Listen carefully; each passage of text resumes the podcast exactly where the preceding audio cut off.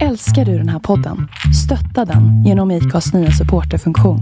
Det är helt upp till dig hur mycket du vill bidra med och det finns ingen bindningstid. Klicka på länken i poddbeskrivningen för att visa din uppskattning och stötta podden. Ryan Reynolds here from Mint Mobile. With the price of just about everything going up during inflation, we thought we'd bring our prices down. So to help us, we brought in a reverse auctioneer, which is apparently a thing. Mint Mobile unlimited premium wireless. Ready to get 30, 30, bit to get 30, bit to get 20, 20, 20, bit to get 20, 20, bit to get 15, 15, 15, 15 just 15 bucks a month. So, Give it a try at mintmobile.com slash switch.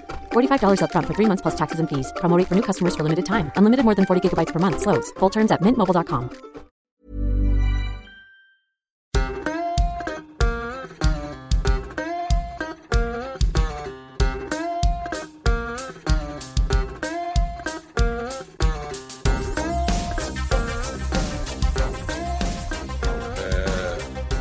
tar det på uppstuds. Jag tryckt på räck. Ja. Eh, och då säger vi så här. Första gången jag såg Marcus Allard prata så stod han i talarstolen i Örebros kommunfullmäktige och var arg på ett kromat äppelskrutt. Eh, Efter det har jag lyssnat in mig lite på honom. Han har bland annat en egen podd där han pratar med Malcolm Tjune om livet i allmänhet, eller vad man ska kalla det. Och han har gjort en ganska intressant resa som vi, vi börjar med att adressera den. Men först är vi välkommen till Vi måste prata, Marcus Allard. ja, tack så mycket. När jag säger att du har gjort en intressant resa, vad ser du framför dig då att jag tänker på? Jag, jag, jag, ja, jag får ju spontant så här bara känslan, åh nej, ska det här bli den tionde podden där jag ska sitta och, och prata om exakt samma skit som jag redan gjort i varenda jävla podd?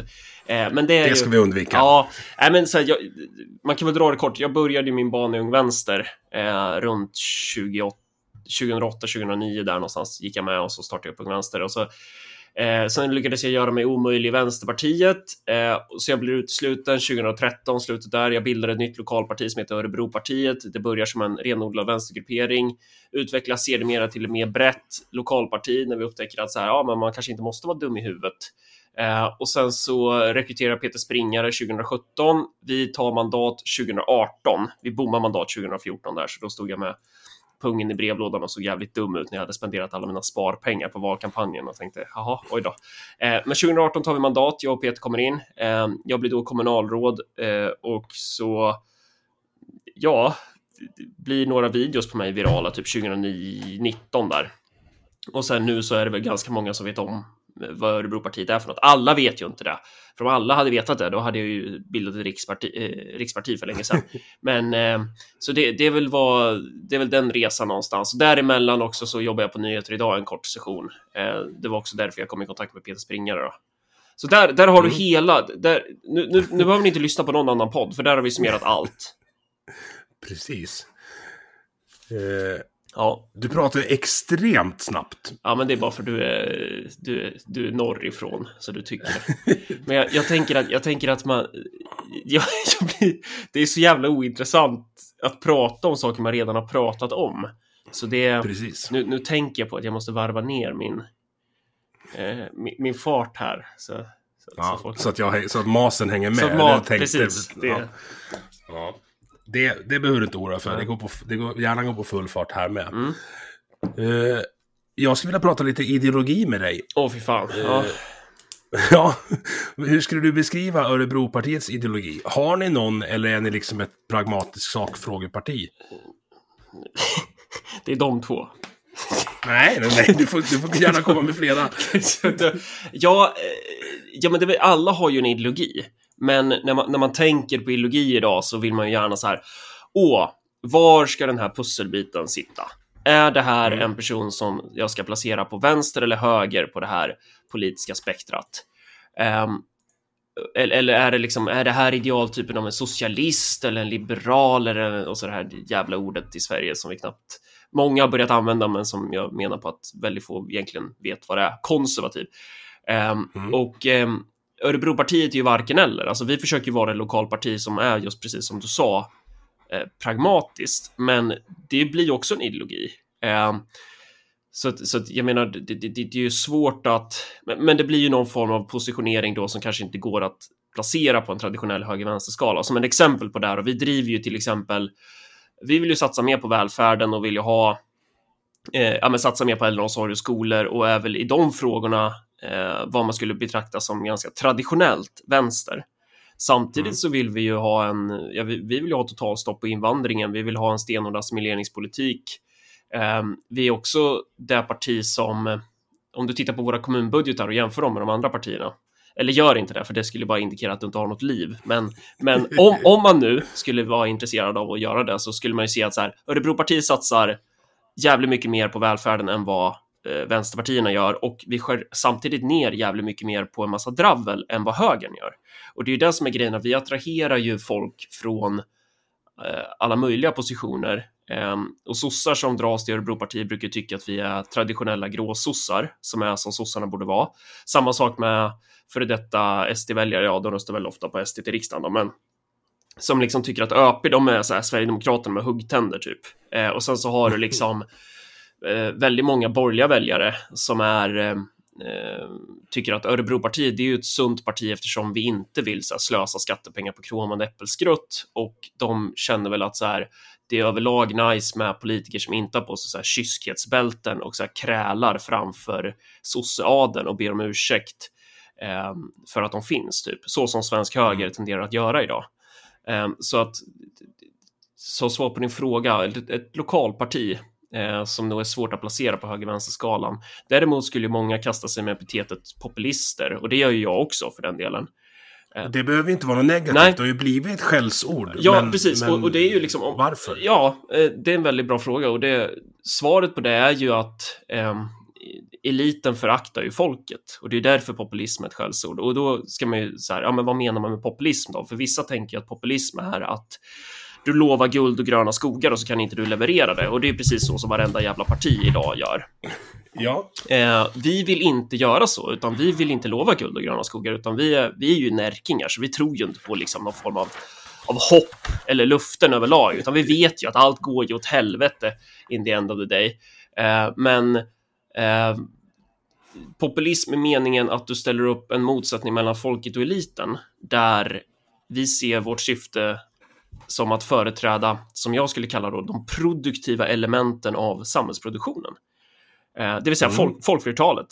Så i den meningen är vi definitivt populister. Sen, sen så blir jag, jag blir vansinnig så fort någon jävla idiot ska placera mig antingen, ja men Allard han är liksom nice, fast han är vänster, eller Allard han är liksom nice, fast han är höger. Nej, nej, låt, låt mig vara. Jag vill inte vara något av det där. Jag är inget av det där, tror jag. Eh, så vi är varken vänster eller högerpopulister, vi är bara klassiska populister i sådana fall. Handlar inte det där lite om att det blir, du pratar om eliten och folket. Ja. Och om, alltså det kommer ju alltid finnas en, vad ska man säga, administrerande klass eh, mm. längst upp. Eller om, man kallar dem, om man sätter dem ute till höger eller vänster. Ja. Och om glappet där blir för mycket i framförallt problemformuleringen mm. jämfört med hur folk upplever att vardagen är. Mm. Då spelar det egentligen ingen roll vad den som ställer sig emellan har för lösning uh, om man bara ser samma problem. Mm. Är du med på vad jag menar? Mm. Alltså att om, om när, uh, ja men så här, när, när någon så här, tänk dig en rörmokare med tre anställda i Sandviken mm. får läsa Sandviken-rapporten och så bara, men det här, så här är det ju inte. Liksom. Nej. Nej. Nej, men verkligen. Eh, det är ju, vi brukar säga det att, elit, eller att politiken har svävat iväg och Örebropartiet vill ta ner dem på jorden igen. Eh, det, det, är en av de floskler vi, vi för oss med. Men, men, det finns ju något i det, att de har ju svävat iväg, inte bara politikerna utan eliten överlag, alltså högre tjänstemän, journalister, medieelit, eh, politiker, hela det här som Juholt refererar till som klägget har ju på någonstans, de, de, de graviterar ju i en egen liten bubbla långt bort från folkflertalets vardag och verklighet. Eh, och det där blir ju såklart problem för att Sverige har ju Alltså om vi tänker under sosse-eran, liksom, då vi var i praktiken en enpartistat, fast vi hade liksom lite olika nyanser av, av så socialdemokratiska oppositionspartier, typ, eh, mm. som, som visste någonstans att så nej, men vi, vi, vi, vi kommer inte kunna ta vi kommer inte ens kunna föreställa oss, att, föreställa oss att ta makten de närmsta 30 åren. Så, eh, så, att, så att deras paroller var typ så här, stärk oppositionen. Verkligen så här medvetna om att, att Sverige var en enpartistat. Eh, fast vi ändå inte var där då. Men, men om vi tänker under den perioden så skulle jag vilja hävda att, att eh, representativa demokratin var mer representativ än vad den är idag. Att, att du hade mm. liksom um, i varenda jävla ort så hade du den här lokala sossepampen och det är så här, han hade sina känslospröt i, i lokalsamhället, på arbetsplatsen, i bostadsområdet eh, och så vidare. Eh, och, och de här perspektiven kanaliserades någonstans upp till, till eh, kärnan i partiet. Och det mm. fanns någon form av, det här är kanske lite väl romantiskt så beskrivet, men, men att det fanns en högre grad av liksom, koppling däremellan. Eh, och, Någon slags verklighetsförankring? Ja, och också rörelse. Alltså att, att det, det, var så här, de här partierna vi har idag, eller många av dem, de, de kom ju från folkrörelser. Det var ju så de växte fram. Um, mm. och, och, det är ju inte bara med sossarna, utan bonderörelsen var ju jättestark också. Framförallt i Dalarna var den ju stark. Det var väl det var väl 50-50 typ. I bruksorterna var det sossarna och i andra orter så var det ju bondeförbundet typ. Men... Ja, här har ju, i, i Leksand har ju Centern liksom varit, vad ska jag säga, enpart, det har ja. varit enpartistbyn. Ja, precis. Eh, och, och, och, det var ju, det, det är ju en liknande mekanik där, att det var ju en folkrörelse. Om, om, om du jämför liksom vad de där partierna var för 70-80 år sedan med vad de är idag, eh, så är det, det är ju ganska stor skillnad eh, i termer av att idag har ju, du har inte den rörelsen längre, utan så här, socialdemokratin är i första hand till för personer som arbetar inom Socialdemokraterna. Eh, Centerpartiet mm. är i första hand till för personer som arbetar inom Centerpartiet. Och det gäller ju alla partier idag. Eh, så så du, du har en annan mekanik där. Du har gått från, du har gått från rörelsepartier till den här typen av eh, partier för partierna. Typ. Vad är det som har orsakat den då? Eller så här, jag har en teori ja. att den, den dagen pressstödet insattes så att första och tredje statsmakten hamnar under samma finansieringsmodell, då tappar vi en stor del av den oberoende granskningen av, ja, vi kallar det eliten då, i brist på bättre nomenklatur. Mm. Ja, jag vet inte. Alltså, det, det, det är säkert en bidragande orsak, men det finns ju flera, det är ju jättemånga, jättemånga variabler skulle jag säga som har lett fram till, till där vi är nu. Ehm, men, men att överlag så när det evolutionära trycket försvinner på dig och du inte längre behöver jaga för din föda så, så kommer det såklart påverka ditt beteende. Eh, så i den meningen, mm. så, jag, jag, håller ju med dig någonstans. Eh, men jag tror att det, det, är mer, det är fler grejer som samverkar kring det där. Eh, men, men oavsett vad så, det, det är där är vi idag och, och tanken med Örebropartiet är väl någonstans att bygga en motpol mot mot de här etablerade partierna som jag i mångt och mycket anser vara samma skit. Att det, jag tycker inte det är så stor skillnad på på något av riksdagspartierna egentligen. De, de som sticker ut lite idag det är Sverigedemokraterna, men det, det vill ju Sverigedemokraterna helst inte göra, utan de skulle ju helst önska att de fick vara en del av, av den här kartellen. Mm. Eh, och det är det som, de har, ju få, de har ju oförtjänt fått epitetet populister. Eh, jag tycker inte att de, att de eh, fyller ut de skorna helt. Alltså de, de skulle verkligen ha möjlighet att kunna ja, men, bli den nya hegemonen i, i, i svensk politik, men de verkar mer intresserade av att springa runt och lajva konservativ ideologi som typ inte riktigt har funnits i Sverige. Så här, springa runt i knätofsar och dansa folkdans istället för att bygga så här dödspopulistiskt helvetes, helvetesparti typ. Nej, det där är också en, en, en sak jag brukar hänga upp mig på att du, du sa att populism har använts som ett skällsord. Ja. Det har ju konservatism också gjort. Ja. Och jag anar ju, alltså, som du såg på senaste partiledardebatten, så är det mycket att de, i varje fall eh, nuvarande regeringsunderlag, använder högerkonservativ så mycket de kan. För att de, de tror att det skrämmer folk. Ja, men det är också så här.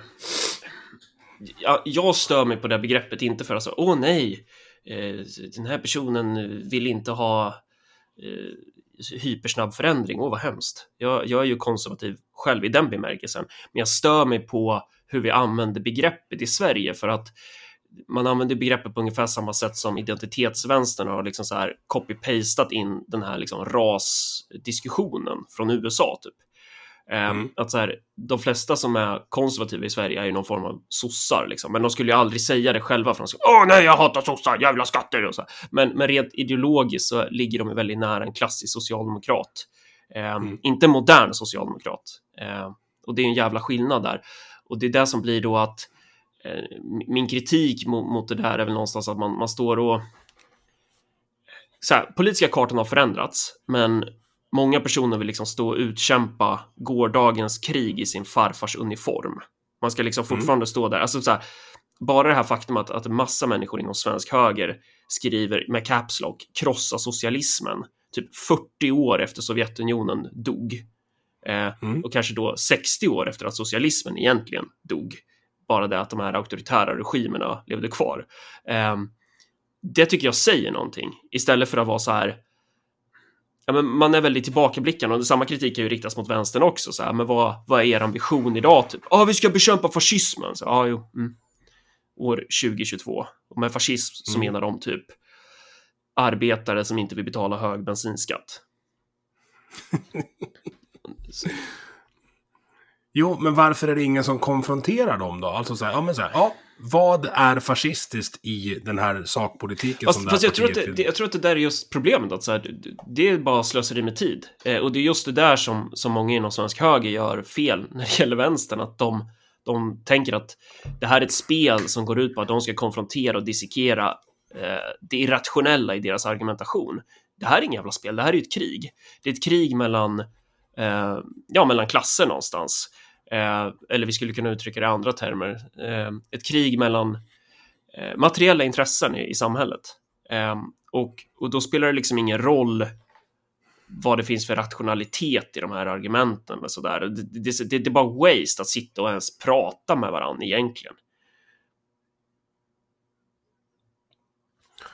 Det var intressant. Vad menar du med mat utveckla det med materiella lite? Nej men att, att vad ska man säga, ja, men, du har ju hört så här termer om kulturkriget, typ. Att du har så här, mm. ja, vi har massa feminazister på de här myndigheterna som eh, vill göra X, Y, Z. De vill så här hbtq-certifiera alla skolor. Det är för att de har så här hemsk woke-ideologi.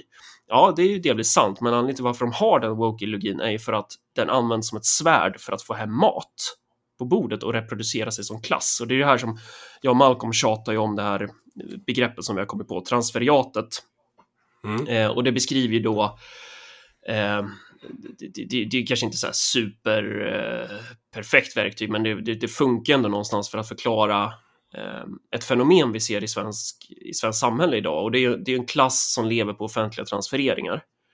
Eh, och då, men, alltså, då menar inte jag liksom eh, läkare eller lärare, för de lever ju också på offentliga transfereringar, det vill säga skatter. Men jag menar då alltså de här hittepå-jobben som inte fyller något egentligt värde. Alltså illogi, illogi, ja vad skulle du säga? Ja, men skillnaden där är att läkare och lärare är ju de, de är ju slutstationen för pengarna då, i och med att de får det i lön. Transferiatet som jag förstår din, din definition av, det är de som sitter och, och administrerar vart välfärden, eller ja, alltså vart de offentliga ska hamna. Ja, del, delvis har du administratörer och byråkrater, eh, men även konstnären är ju slutstationen för lön. Liksom. Alltså mm. enprocentsregelparasiten. Eh, och mm. det, hela den här klassen med typ illogiproducenter, eh, journalister till stor del, alltså de här hittepå-direktörerna vi har i, runt om i... Värdegrundsninjor. Ja, exakt. Illogi, precis. Alla de här, de är ju, de är ju att likställa någonstans med ja, med medeltida prästerskap. Som jag sa, va, alltså varför ger man mat till prästen? Jo, för att om man inte gör det så hamnar man i helvetet. Varför mm. ger man mat till hbtq-certifikatören?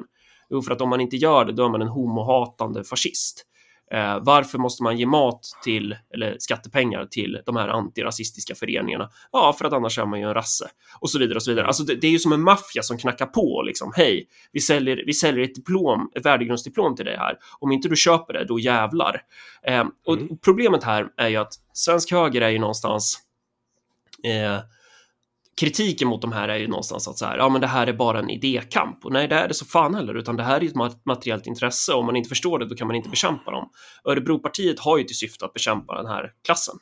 Eh, och det är ju det som gör då att vi skiljer oss ifrån då, för många vill ju mena att så här, ja men jag är ju så här klassisk socialist typ och ÖP är så här socialistiskt parti. Och jag skulle ju säga att ja, i och med att de produktiva klasserna idag som behöver betalar för transferiatets existens via skattsedeln är ju inte bara liksom proletärer eller så ah, knegare, utan det är ju varje form av produktivt element i befolkningen och, det, då räknar vi alltså från eh, ja men eh, liksom grovisen på byggarbetsplatsen ända upp till eh, Wallenberg himself. Typ. Att du har alltså knegare, småföretagare, eh, kapitalister, alla som någonstans fyller en produktiv funktion i, i ekonomin har ju ett motsatt intresse gentemot transferiatet. Eh, och, och det, det, här menar jag är, är en central motsättning för att förstå svensk politik. Eh, och i mångt och mycket så dominerar ju transferiatets intressen också svensk politik, inte bara vänsterns liksom, eh, politik, utan du har ju liknande mekanismer för högern också.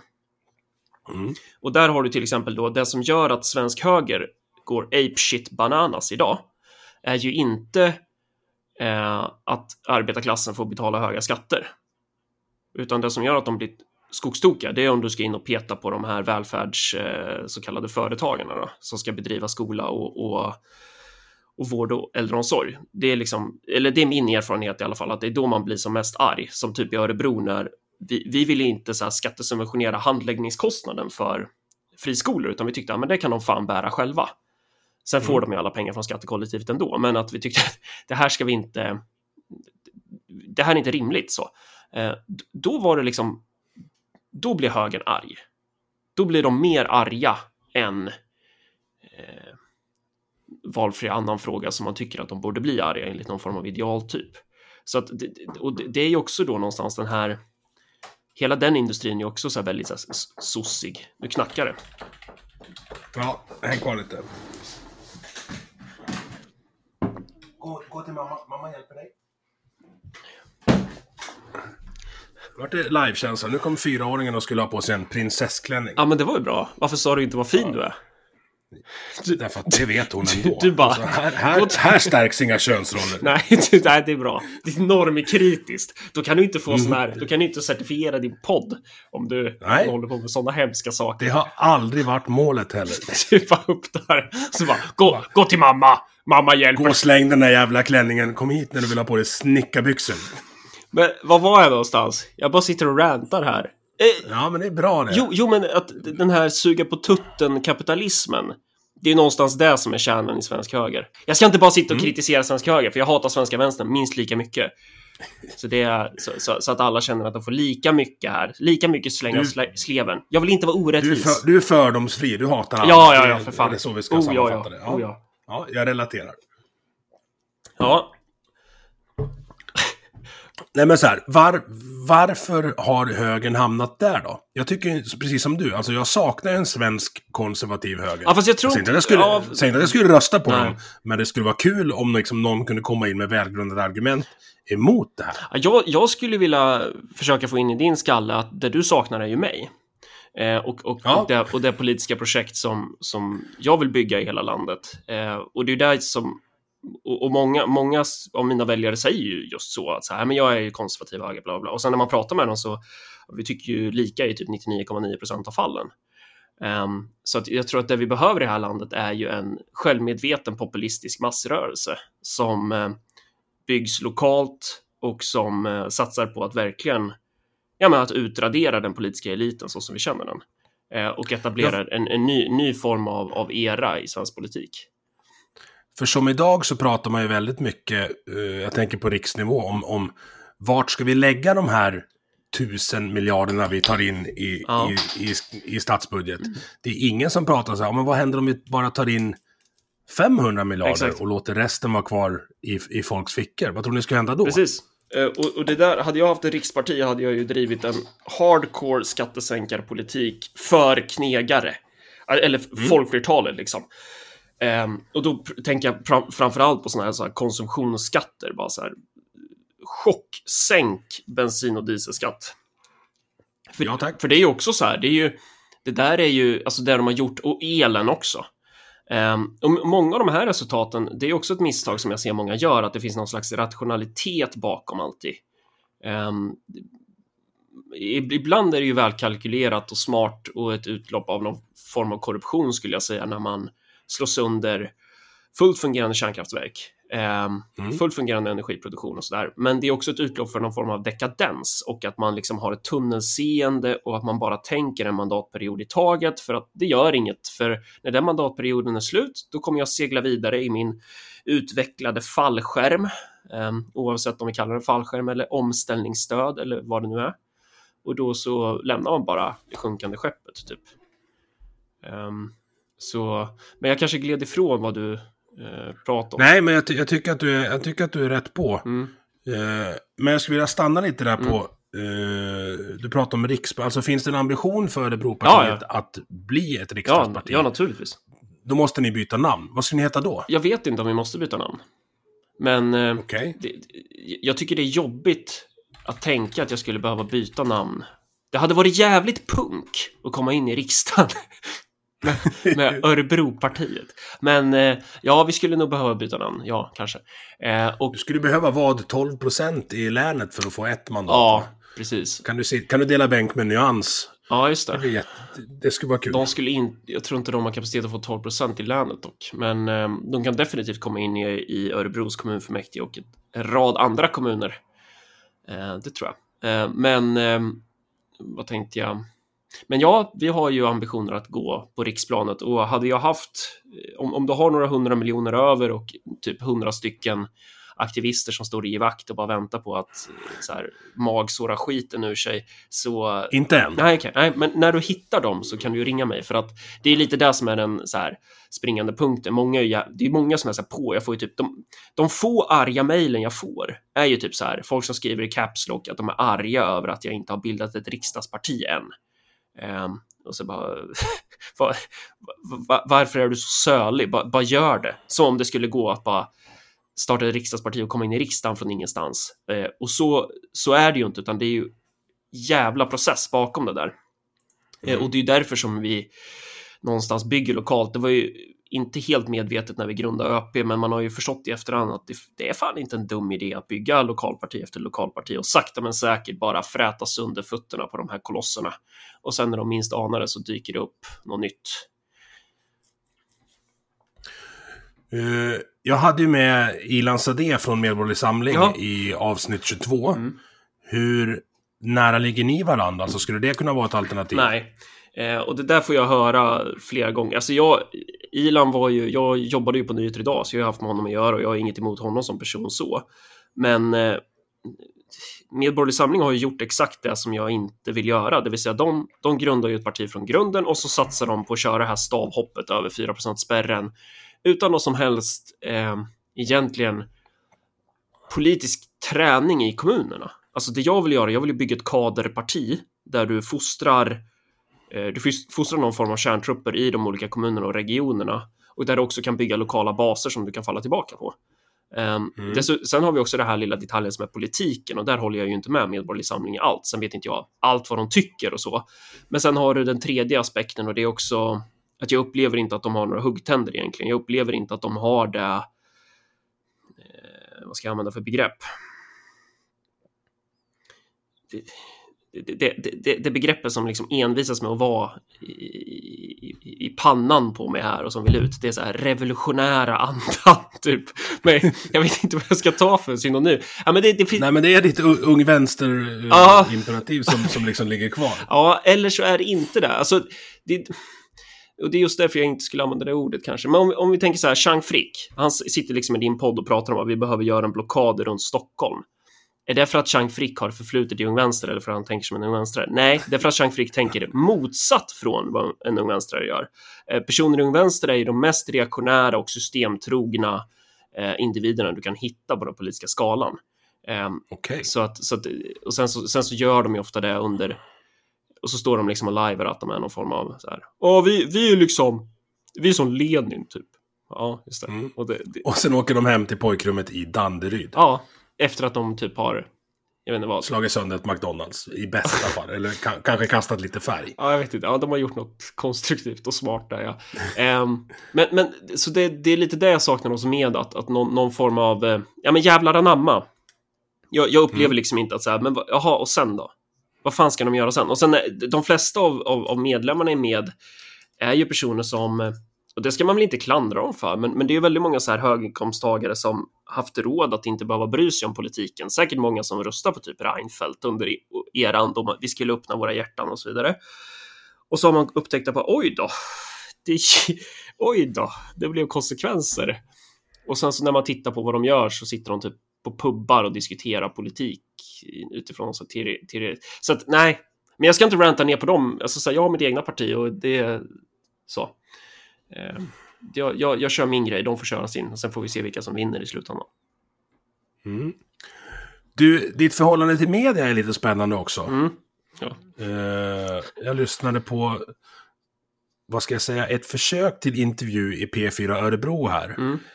Eh, du är betydligt mer medgörlig idag än vad du var när, när den reporten ringde upp, vilket jag är tacksam för, annars hade det blivit en konstig alltså, podd. Ja, men, ja, och det hade ju varit konstigt om jag ens hade ställt upp i din podd.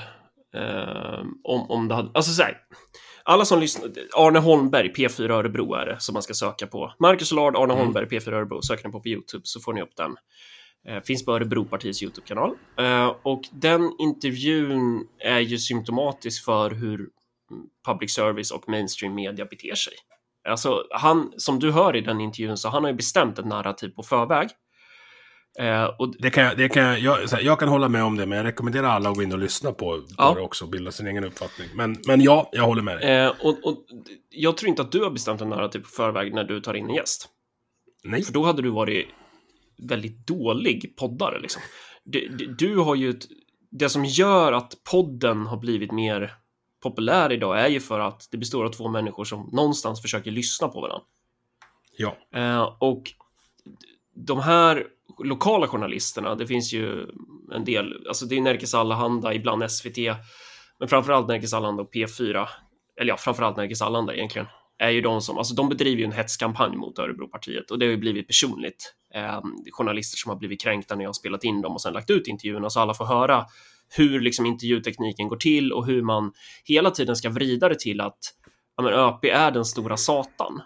Eh, och man får jättegärna tycka att ÖP är den stora satan, men då tycker jag man ska komma fram till den här slutsatsen genom en korrekt uträkning, inte genom ett förbestämt, eh, vad ska man säga, eh, manus som de vill att man ska spela. Och det är därför jag inte vill acceptera eh, de här premisserna som de ställer upp.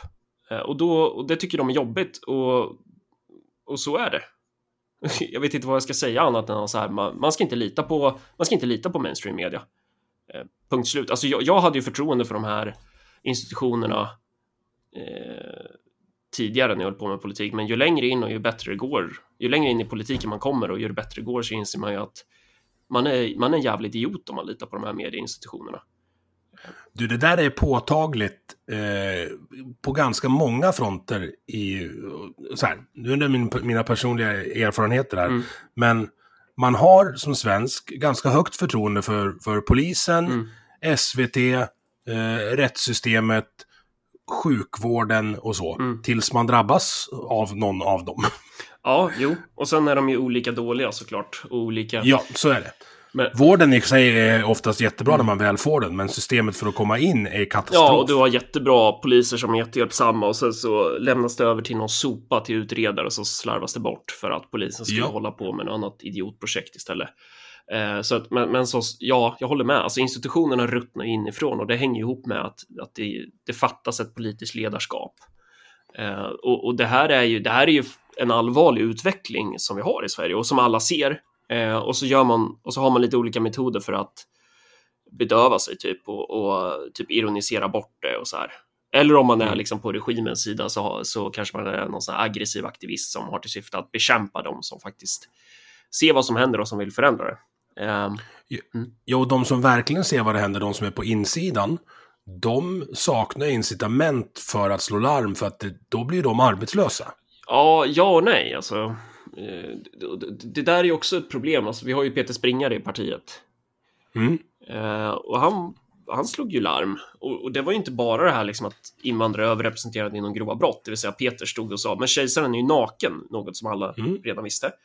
Eh, utan hans främsta kritik som jag tycker, det är ju det här med hur Polismyndigheten har liksom frätts sönder av New Public Management, olika styrmodeller och eh, ja, men den här ideologin som dominerar, alltså hur transferiatet har ätit sig in i polismyndigheten någonstans.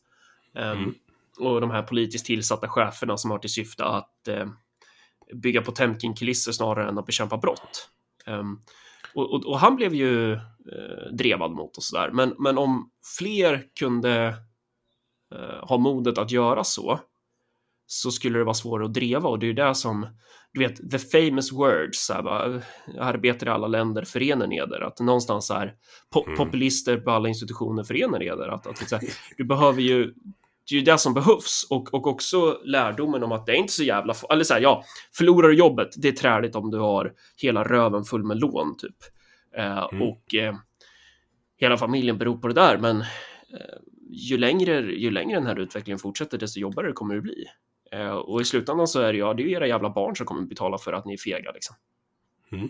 För läser man det idag, som springare sa, vad, 2015 någon gång? Mm. Eh, det är ju mainstream-narrativet. Ja, nu. ja, nu ja. Det är det som står i BRÅ-rapporter och så. Och, och, det, och, eh, och det, ja, verkligen. Och det är den här Sverige som en... Jag tror att det är Aron, Aron Flam som beskriver det som att Sverige är liksom en stor oljetanker som svänger långsamt och mm. sen är den på väg en helt ny riktning.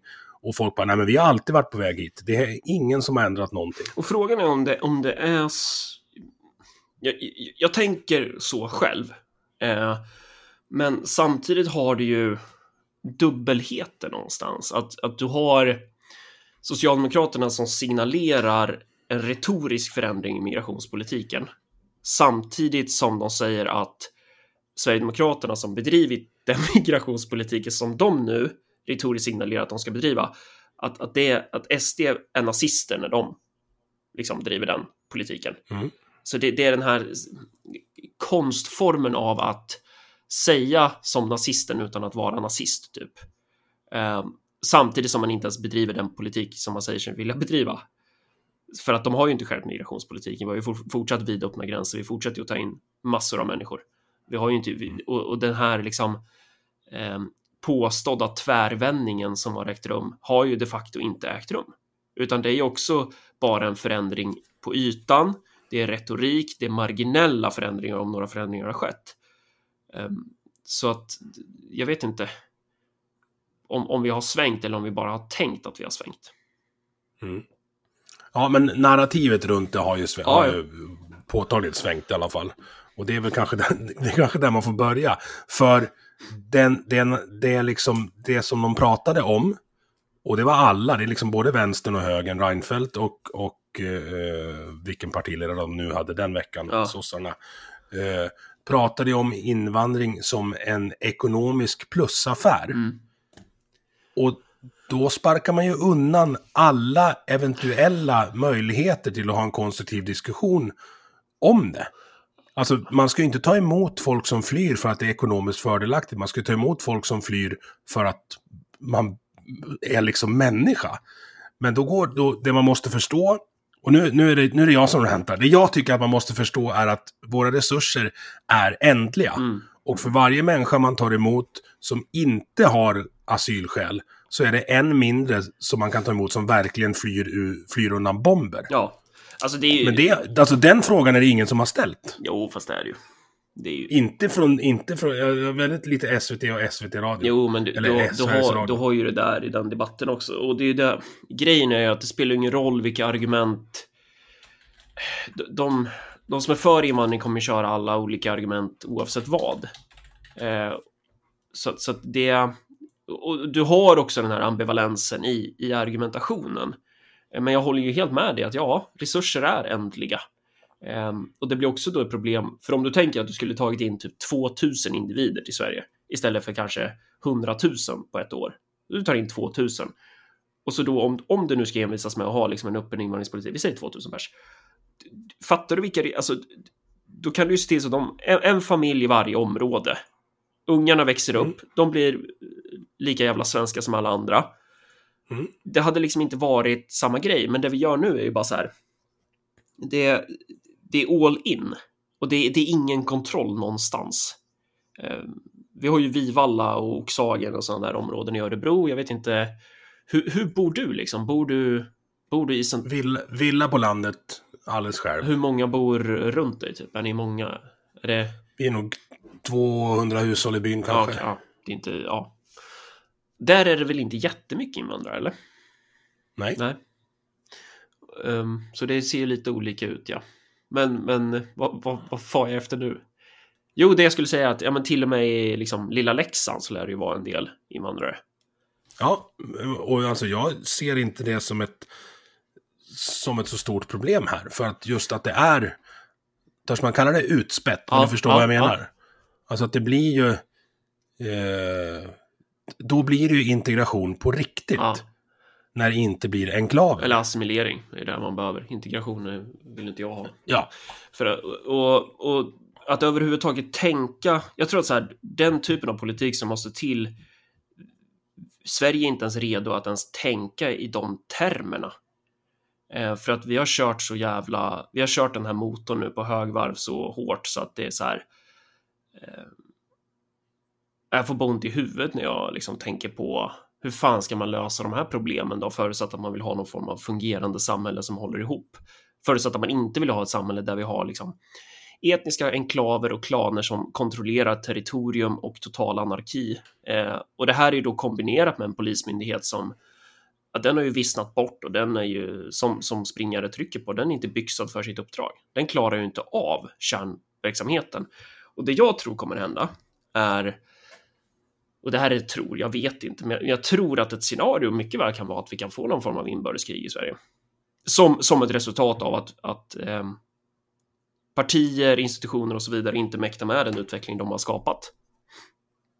För då, hur, det, alltså inbördeskrig, du tänker... alltså lågintensivt. Slagfält? Ja, alltså i, Eller- inte typ så här, ja nu ska småländska regementet ställa upp mot dalkarlarna på det här fältet, utan mer så här, alltså nå- någon form av Ja, lågintensiv balkanisering av, av, av landet, eller libanonisering, liksom att du får den här typen av eh, alltså våldsamheter mellan etniska enklaver eh, som, som cementerar någon form av dubbelmakt. Du kommer ha partier som Nyans, eh, renodlade islamistiska partier med etniska, ja, som representerar olika etniska diasporer som kommer vilja aspirera på makt i kommuner. De kommer komma in på vissa ställen. Där kommer de få information som är nöd, alltså typ så här information om social rörande socialtjänsten typ.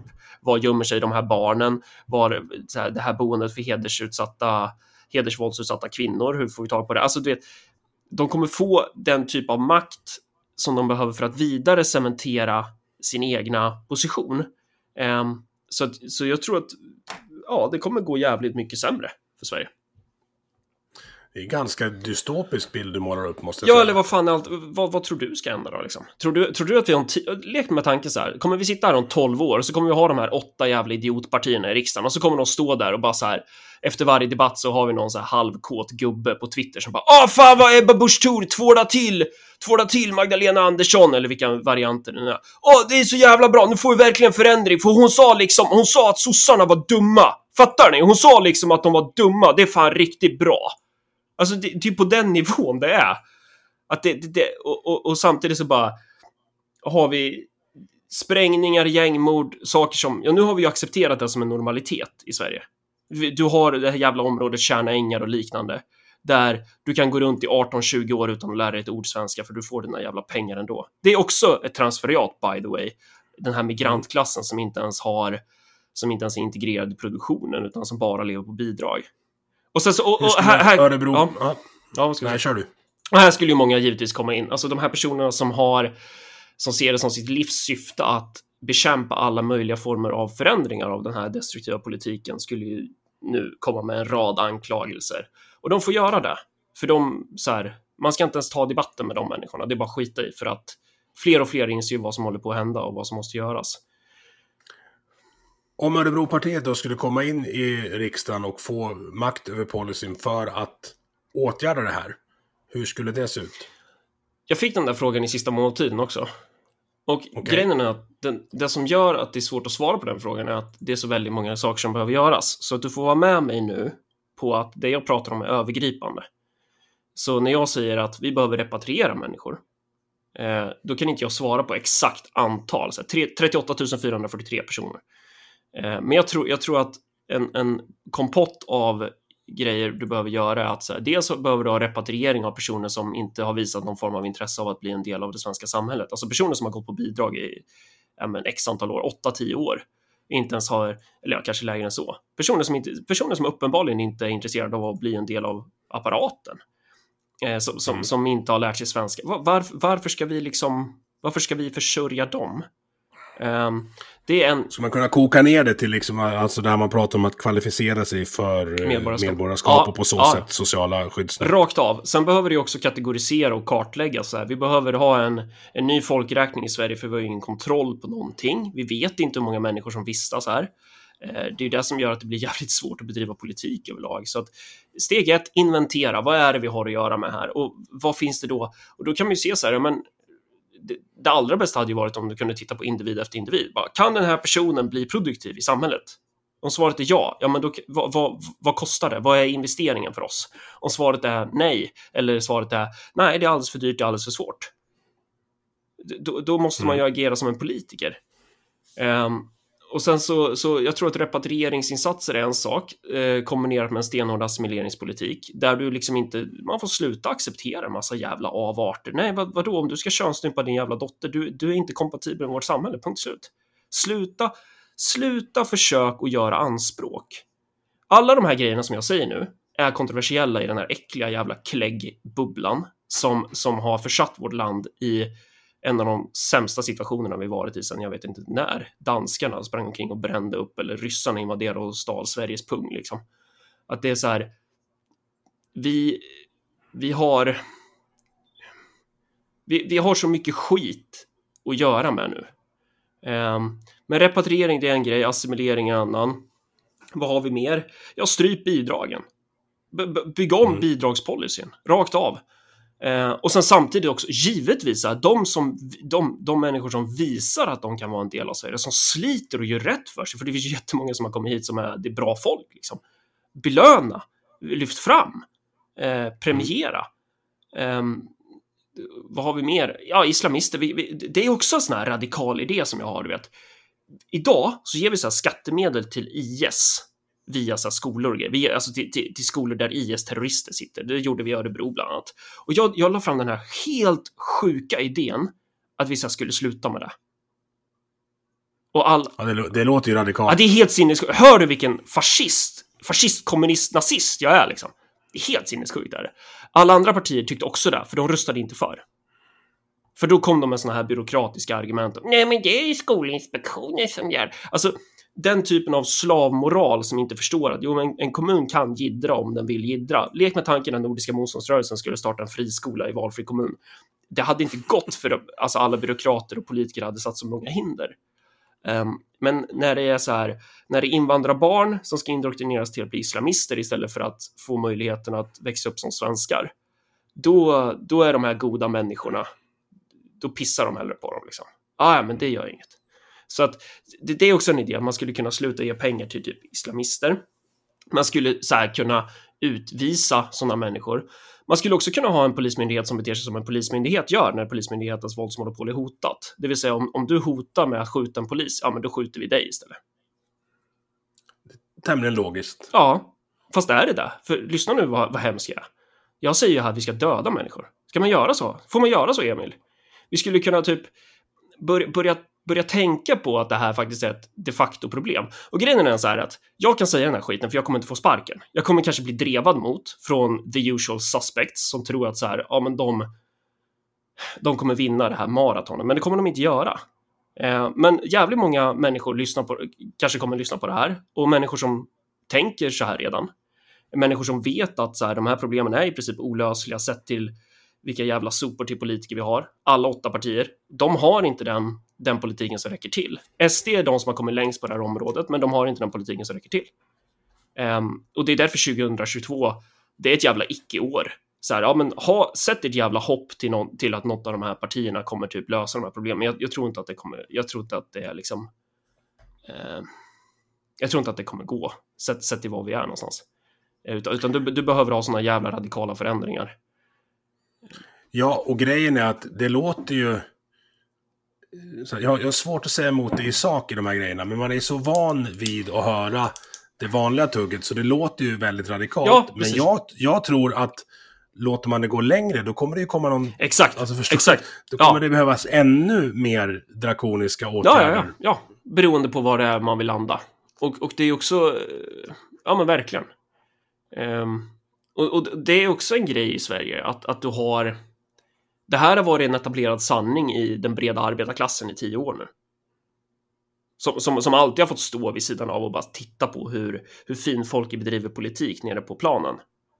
Mm. Men aldrig blir involverade. Aldrig får vara vad, liksom... Eh, vad är ens arbetarklassen idag? Alltså... Eh, men kom igen, det fattar ju du. Alltså, det... Jo, jo, men, men arbetarklassen idag är ju inte det som Socialdemokratiska arbetarpartiet beskriver. Nej. Arbetarklassen idag är ju rörmokaren med tre anställda som, ja, ja, ja, absolut. som skiter i att ta ja, ut lön ja. själv ibland för att hans, hans gubbar ska få, ja, det, ska få pröjs. Ja, det skulle jag säga. Alltså... Och de röstar ju inte på Socialdemokraterna längre, det är ju helt uppenbart. Nej, men det, din klass avgörs ju inte vilka du röstar på. Utan, men så är det ju. Nej, det är klart de inte röstar på sossarna. Sossarna är ju... Nej, men min poäng är att, att uh, klassindelningen som den såg ut mm. under liksom för, för 70-80 år sedan, ja. den finns ju inte idag. Nej. Men man bedriver politik som att den fortfarande är indelad på det sättet. Ja, ja och nej. Alltså jag håller ju med dig. Eh, det där är ju en klassisk marxistisk take. Att säga, ja, självklart, ekonomin har förändrats, då har klasskompositionen förändrats, självklart. Men när jag säger arbetarklassen, visst, man kan ha en disku diskussion så här. Ja, var drar vi gränsen för eh, personen som säljer liksom sin arbetskraft och blir exploaterad och skapar mervärde och bla bla bla. Men jag tror att de flesta fattar att jag menar gemene Svensson. Jag menar också Puttes Rör AB, även om han mm. är egenföretagare eller har tre anställda. Han, han är ju de facto en proletär Alltså du får ju se det relativt, du får ju se det i relation till samhället. De, ja. de breda folklagren, de har inte fått vara i centrum av politiken. De har bara fått vara i centrum när de ska vara statister. När idioterna i eh, partiledardebatterna ska säga Jag pratar med Eivor, 76, i random skithåla någonstans på landet. Som jag ska... Ja, det, där, det där måste vi börja muta. Ja. Alltså inleder man ett anförande så, då, då säger nej, då tar vi bort din talartid. Mm. Du får inte prata så där längre. Eh, och då, då är de statister. Och hon, Eivor, tyckte faktiskt att det är jätteviktigt att vi bryr oss om människor från andra länder och därför är det relevant att vi lägger 34 miljoner på att certifiera den här detaljplanenheten med det här värdegrundsdiplomet. Att det, det man måste börja se det här för vad det är. De håller på med en teater och det mesta de gör är bara rent fake. Typ. Eh, de skiter i er. De skiter i er allihop. Ehm, det, det, är väl, det är väl mitt lilla bidrag här. Jag, jag är så jävla trött på... Ehm, det är också därför jag har så svårt att lyssna på poddar, för att det, det är ju bara... Det kommer ju inte komma något från de här partierna. Men ändå så sitter folk där och, och håller sitt hopp för att de har liksom zoomat in på den här lilla, lilla arenan mellan de här idioterna från de här riksdagspartierna som står och pratar om så här målar upp som om de skulle vara så här jättestora skillnader i, i, i de här små marginella förändringarna de vill göra. Jag tror, att, jag tror att den konkreta skillnaden mellan typ Socialdemokraterna och Moderaternas kommunbudget är typ så här någon promille. Men ändå så står de där och pratar om så här, på ena sidan Åh, vi för en kamp mot socialismen! Och den andra sidan bara Vi, vi företräder folket och vi tycker det är viktigt med trygghet och eh, ni vill privatisera allt. Men det är skillnaden är så här marginell. Mm. Är, och sen har de ju byggt in sig själv i ett system med partistöd, vilket gör att tröskeln för att bedriva opinion mot dem för nya partier är ju enormt hög. Alltså, vi kan ju göra det. Eller hur menar du? Eller? Nej men, nej men så här, ja det är klart ni kan. Och ni gör det. Mm. Men på Riks så har eh, de andra 167,9 miljoner ah, ja. i bidrag från, från staten. Men, så ni tvingas ju att finansiera ja. era motståndares kampanj. Ja, eh, men, men grejen, anledningen till varför ÖP går framåt är ju inte så mycket beroende på vår Ehm, det var, det var inte så att vi la pengar på sociala medier som gjorde att, att de här klippen på mig sågs av miljoner människor, utan det är för att jag, jag, jag säger det som folk redan tycker. Jag, jag appellerar ju till människors materiella intressen någonstans. Eh, och det är det som är den stora hemligheten att, och, och, som gör att du, du kan besegra de här partikolosserna även om de har skitmycket partistöd. Men sen håller jag ju med dig givetvis att så här, ja, de har en makt, de kan köpa varenda jävla helsida, varenda tidning. Ehm, mm. Och det funkar ju tills den dagen folk bara slutar tro på det de läser. Och vi är på väg dit. Och, och såvida man inte gör radikal förändring så, så kommer den här utvecklingen bara eskalera tror jag. Så då kan de fortsätta kasta pengar. Och sen i slutändan så kommer de väl försöka göra sådana här institutionella ingrepp, typ och begränsa demokratin den vägen och det är ju redan på gång. Hur är det på gång menar du? Ja, men dels har du sådana här förslag som de lägger då och då som handlar om att med hindra, och det är så här, ja, begränsa demokratin är kanske lite att ta i, men, men du har den här typen av tendens som är att bland annat det här att du inte ska kunna få titta på eh, om folk är dömda, typ. De ska ju censurera Mm. den möjligheten. Vad fan var det de skulle göra nu senast? Eh, grundlagsförändringen. Och det var ju Lexbase och de här de gav, de gav sig på. Ja, men, men innan det så var det någon annan grej. Vad fan var det nu? Det är ju, det är ju sådana här små ettriga försök hela tiden. I Örebro har de ju fuskat, där har de ju fuskat bort en folkomröstning. Eh, och Ja, det var en av de första punkterna på mitt schema som jag hoppat över. Bra, berätta om det. För det där tycker jag är väldigt spännande. Ja, och det är ju, ja, men vi samlar in en massa namn för att fixa en folkomröstning om att stoppa ett infrastrukturprojekt. Ehm, Men Det är några jävla bussar. ja, superbussar heter det. Och det, i korthet så innebär det att de ska få de ska få varsin fil på bekostnad av biltrafiken i centrala Örebro. Då.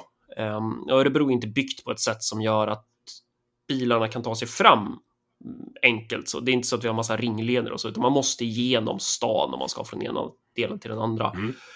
Ehm, och det här har orsakat bilkör och folk är jävligt förbannade för det är ingen som har bett om det här egentligen.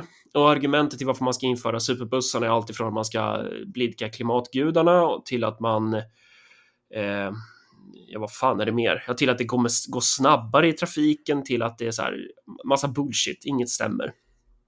Eh, och speciellt inte det här med att blidka till klimatgudarna med tanke på att bilkör orsakar att alla står på, går på tomgång istället, så det är inte så jättebra typ.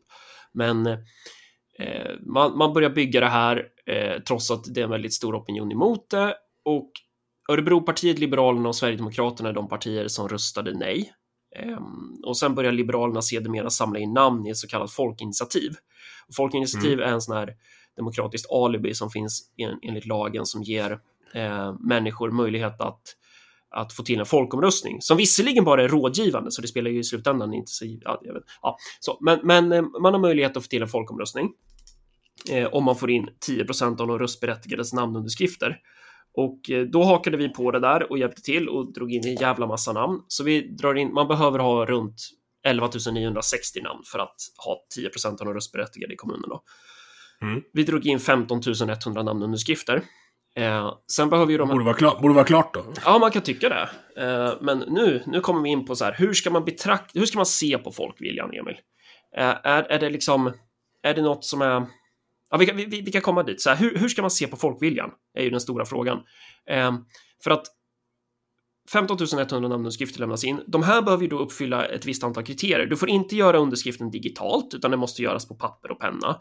Den ska innehålla din namnteckning, eh, datum när underskriften har gjorts, eh, fullständig personnummer och sen typ uppgifter om adress. Det där är också spännande. Jag kan låna 3 miljoner till ett hus med mitt bank-id, men jag får inte delta i en, i en sån namninsamling. Exakt. Eh, och det... ja, precis så. Eh, och, och så, så vi jagar ju in de här och vi står ju liksom utanför ICA i spöregn utanför bolaget. Eh, och för fan vad folk är lacka på politiken överlag alltså. Jävlar vad... Eh, men det, det kan vi ta sen. Men ja, folk skriver på det här. Eh, och då börjar tjänstemännen granska det. Så steg ett att tjänstemännen ska kolla om man har uppnått eh, tillräckligt många giltiga underskrifter, Emil. Giltiga, det måste vara giltiga, det måste vara un- godkända. Ehm, och eh, då konstaterar de att eh, de, de börjar räkna bakifrån, så att de, de börjar med att liksom eh, hitta så många underkända de kan. Eh, och i typ lagen och förarbeten så är det så skrivet att så här, kommunen ska eh, göra stickprov och bara kolla så att det inte är ett oseriöst eh, initiativ. Typ. Så man ska hellre fria än fälla. Men inte i Örebro kommun, utan då ska man detaljgranska varenda jävla namnunderskrift. Eh, och så går man ut med och säger att nej, men en tredjedel av alla namn är underkända. Eh, då begär vi ut underlaget och vi kan ganska snabbt se att så här, de har ju underkänt helt fel. De har underkänt så här underskrifter som någon darrhänt pensionär har skrivit sitt namn lite otydligt. Ja, men då är den underkänd. De har underkänt eh, det, det är ett eh, papper med 11 underskrifter. Alla anger datum, samma datum och sen är det en person som har glömt skriva datum eller som har glömt skriva året i datumet. Då är den underkänd. Sen är det någon som har typ så här. Det står ju uppgifter om adress i lagen eh, och det betyder att det räcker med att du skriver liksom Ekoxevägen typ. Eh, men Mm. men eh, då så här, de som inte har skrivit sitt postnummer, ja, underkänd direkt. Så här, och, och det här går liksom emot hur ett folkinitiativ är tänkt att fungera. Och vissa som är så här lite lätt sig kanske tänker så här, ja men fan, det, de bryter mot reglerna. Det, alltså så här, det går ju ut på att du, du måste ju liksom göra det enligt regler. Det är liksom en sport, en tävling. Så här. Det är en tävling och så här, man måste nå, man måste göra så här perfekta poäng. Typ. Um, och det är typ så som de tänker på Örebro kommun. Så minsta lilla skit de hittar underkänner de. Men den riktigt stora grejen, det är när de sen kör personnummer mot, mot folkbokföringsregistret. Så att först har de en manuell fas där de tar bort anteckningar som de tycker är fula, typ. Mohammed som kom, kom till Sverige för några år sedan, typ. han, har, han har liksom gjort vad han har försökt så gott han kan. Han har skrivit sitt namn i stora bokstäver. Mohammed, Abdullah eller någonting, whatever. Eh, mm. stor, bokstaverat. Så här. Han har försökt. Underkänt. Det där är ju inte en okej namnteckning. Det måste, det måste vara skrivet med skrivstil. Så, här. Eh, så att i manuell fas så försvinner den där varianten där tjänstemännens subjektiva bedömningar ligger till grund. Sen kommer man då till andra fasen och då kör man då de, de godkända underskrifter som är kvar då mot eh, man skriver in dem i någon form av Excel-bas och så kör man dem mot folkbokföringsregistret. Eh, och då säger man att 1943 personnummer matchar inte med folkbokföringsregistret. Och då börjar vi granska de här och det tar en jävla tid. Så vi sitter liksom så här, ett gäng eh, konstiga Örebropartister med varsin Monster energidryck i handen från, från morgon till kväll. Eh, Väldigt dreamhacket. Jag, jag skulle precis säga det, så här, skapar liksom odören av ett LAN så här, på kansliet. Mm. Typ. Vi sitter och går igenom de här Excel-filerna som vi inte får ut elektroniskt, utan det skrivs ju ut papp på papper alltså. Så tänk dig typ så här tusen, tusen oh. papper med Excel. Allt, allting syftar ju till att vi inte ska orka göra det här. Ehm, men vi kommer fram till att, eller ja, vi kan bevisa att 1315 personnummer av de här 1943 personnumren har skrivits om av tjänstemännen. Så att de har då alltså, tjänstemännen har läst ett personnummer och sen så skriver de ett annat personnummer i sin databas. Och det är ju såklart som fan då att det inte matchar mot folkbokföringsregistret. Och det kan jag tänka mig att du tycker att det är lite för många för att det ska kunna vara en slump. Ja, för det är ju då alltså ett, ett ratio på 67,7 procent tror jag vi landar på. Um, och, och det, det, är ju inte mänskliga faktorn. Och sen nu informationsförsörjningsdirektören Anna Berggrund. Um, hon som bara lyssna på den titeln för övrigt, apropå transferiat, informationsförsörjningsdirektör. Jag frågade i maj, mm. vad, vad, ska vi med en sån till? Och då var svaret, att vi behöver hantera information, vilket vi tydligen aldrig har kunnat innan vi anställde en informationsförsörjningsdirektör. Hon säger upp sig eh, när det uppdagar sig att, eh, att det är lite strul med det här. Då. Så att Eh, och utåt sett så har hon sagt att det har ingenting med namninsamlingen att göra. Så att det är viktigt nu att alla ni som lyssnar här nu och tror att informationsförsörjningsdirektören, eh, att hennes uppsägning på något sätt skulle ha att göra med liksom den här helt åt helvete havererade informationshanteringen gällande eh, folkomröstningar här. Bara, släpp den tanken, det har ingenting med det att göra, ingenting med det att göra. Eh, så att eh, men, men det ska också sägas att jag vet inte riktigt hennes roll för att kommundirektören, han mörkar alla. Jag har begärt ut en lista på vilka tjänstemän som har hanterat de här listorna och vilka som har skrivit in, eh, skrivit in personnumren och då mörkar kommundirektörerna. Mm. Mm. Hur ser, jag tänker så här att, eh, vad är det de är rädd för? Är det, är det dig de är rädd för eller är det liksom att de har gjort fel som de är rädd för? Ja, det är väl att de har gjort fel och det är väl därför jag är ett problem för att jag, jag, jag visar ju att de har gjort fel. Eh, och, och, mitt i det här har det också då att en av de här granskningsansvariga, alltså en person som de satte som extra ansvarig för processen, han är, han är samtidigt socialdemokratisk regionpolitiker som dessutom har röstat för införandet av superbussar. Hur reagerar lokalmedia på det här då? För det verkar som att du har ganska mycket bevis för att någonting inte har gått rätt till. Ja, de reagerar med att jag är Donald Trump. Att jag, det, jag, ja, men alltså, det är jag som är problemet, Emil. Du måste ju fatta det. Jag är en hemsk extremist. Uh, och, och, av den anledningen, om jag hittar, ett, alltså, om, jag hittar någonting här, då, då kan ju inte det stämma. Och, så de har ju hela tiden reagerat med en ex, extrem skepsis. De har varit liksom... Um, de har medvetet undanhållit information om det här. Eh, de har fått de här underlagen. De har inte gjort ett piss med det.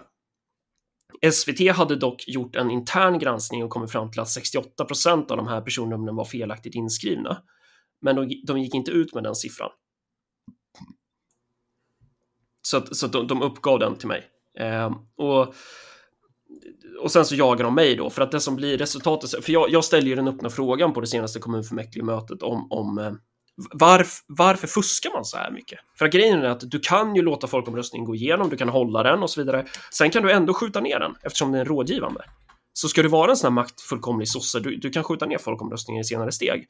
Um, och då undrar jag ju bara så här, varför går du så långt över vatten för att hämta, eh, eller så långt över ån för att hämta vatten? Var, varför gör man alla de här grejerna?